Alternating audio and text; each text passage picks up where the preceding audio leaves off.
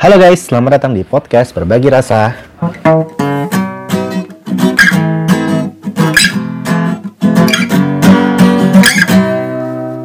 Selamat berbahagia, sobat sayang. Cik, sobat sayang. Memanggil kalian apa ya? Ya, anggaplah panggilan kalian saat ini sobat sayang begitu ya. Apa kabar hari-harimu? Semoga kabar baik dan menyenangkan ya. Bareng lagi bersama Mas Rian di podcast Berbagi Rasa, sebuah podcast yang membahas kehidupan asmaramu. Wah, semoga kisah cintamu baik-baik saja dan tetap uh, tumbuh terus. Wah. Tumbuh kayak tumbuhan ya.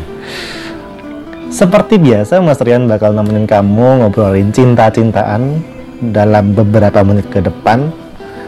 Di episode sebelumnya, uh, aku membahas soal bagaimana cara membuat quote atau menyusun quote ala jari sayang. Jari sayang adalah akun uh, bisa dibilang akun cinta-cintaan salah satu base dari podcast ini. Bisa dicek juga di instagramnya di @jarisayang underscore ada banyak sekali quote-quote-nya. Nah buat kalian yang penasaran gimana prosesnya jari sayang meramu meramu meramu atau membuat quote cinta-cintaan bisa didengerin di episode sebelumnya Ya, di tiap minggunya Jari Sayang membuka kolom curhat untuk sobat sayang, wah, sayang mana? Di platform Instagram. Banyak banget curhatan yang masuk ke kolom question tuh.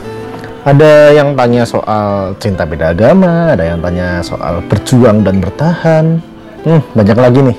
Masalah si doi nggak peka. Caranya gimana Thomas biar dia itu peka, biar si ini tuh ngerti. Wah, padahal tinggal ngomong ya. Seenak itu ya.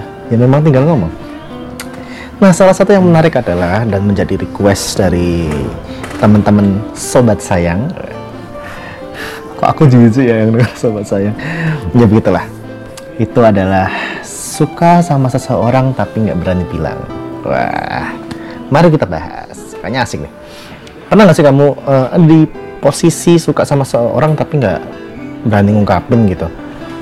Kayaknya sih pendengar-pendengar ini pasti pernah ngalamin sih termasuk admin juga pernah kok. Saya jujur saya pernah. Cuma lupa kapan.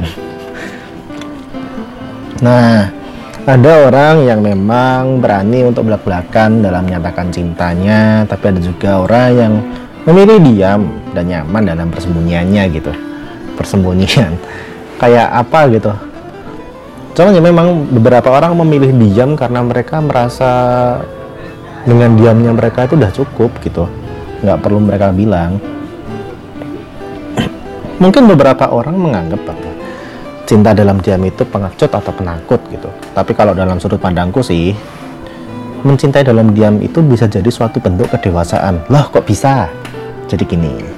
Karena ketika kita mencintai seseorang uh, itu tuh kita tuh benar-benar perlu waktu gitu untuk mempertimbangkan secara matang dan mengambil keputusan apakah benar si doi itu yang tepat dan kita lebih memilih diam dan tidak mengambil aksi untuk menyatakan dan cari status pacaran mungkin.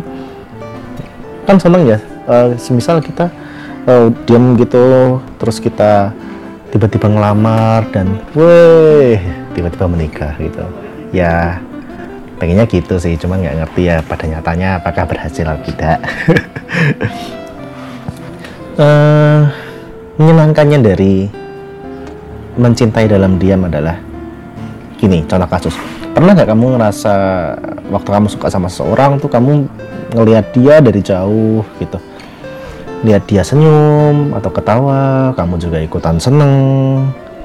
Ya meskipun sebenarnya sih dia itu tersenyum atau tertawa itu bukan karena kamu tapi karena orang lain. Wah sakit ya. Tapi ya begitu orang yang mencintai dalam diam itu harus terlatih terlatih ikhlas dan tulus. Dan sadar kalau pas waktu itu memang kamu tuh uh, belum bisa memiliki dia gitu. Cuman bisa menyembunyikan apa yang sebenarnya kamu rasain.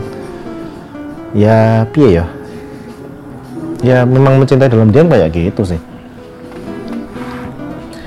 Hmm, tapi ya bukan berarti mencintai dalam diam itu nggak serius cintanya justru diamnya itu waktu dia diam itu adalah proses untuk memantaskan diri untuk si doi untuk si ya yang dirasakan itu yang dirasakan yang dia suka itu. Dan juga dalam diamnya itu dalam rentang waktu diamnya itu malah dia itu bisa lebih produktif untuk hal-hal yang lebih bermanfaat untuk hal yang positif.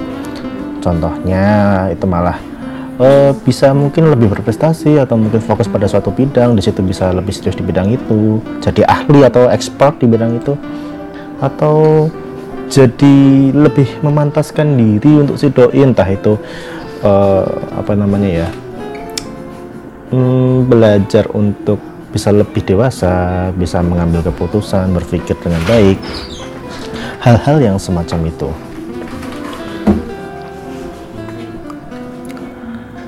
Nah, mungkin ada beberapa orang yang cerita sih, dia itu suka ngode gitu. Mas, aku tuh suka ngode. Ini, cuman dia tuh kok nggak peka ya kalau misalnya dia itu uh, aku suka gitu. Ya itu sih bukan mencintai dalam diam ya kalau kayak gitu. Kalau kayak gitu sih mencintai tapi ngode. Mencintai tapi ngode. Ya semisalnya kamu adalah salah satu pelaku uh, pengkodean itu biasanya cewek sih. Rata-rata cewek seringnya.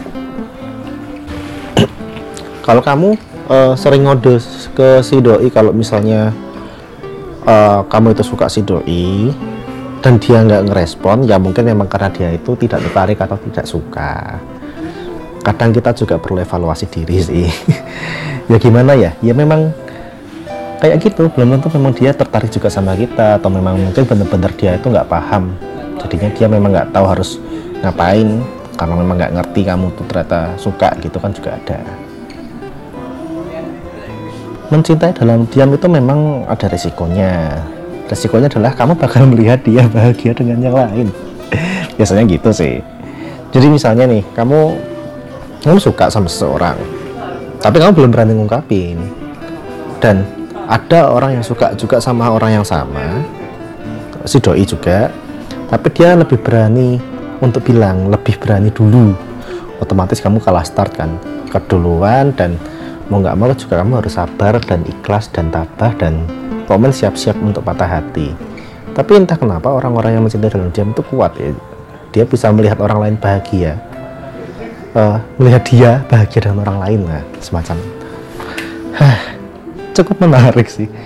Orang-orang yang mencintai dalam diam itu kebanyakan kasus ini terjadi ketika kamu uh, kagum atau suka sama orang yang terdekat biasanya sama sahabat, sama temen main, atau mungkin orang yang sering ketemu, atau mungkin hmm, orang tersebut tuh punya perhatian lebih ke kamu sehingga kamu juga menangkapnya jadi suka. Mungkin dia suka, akhirnya kamu suka hal-hal yang seperti itu.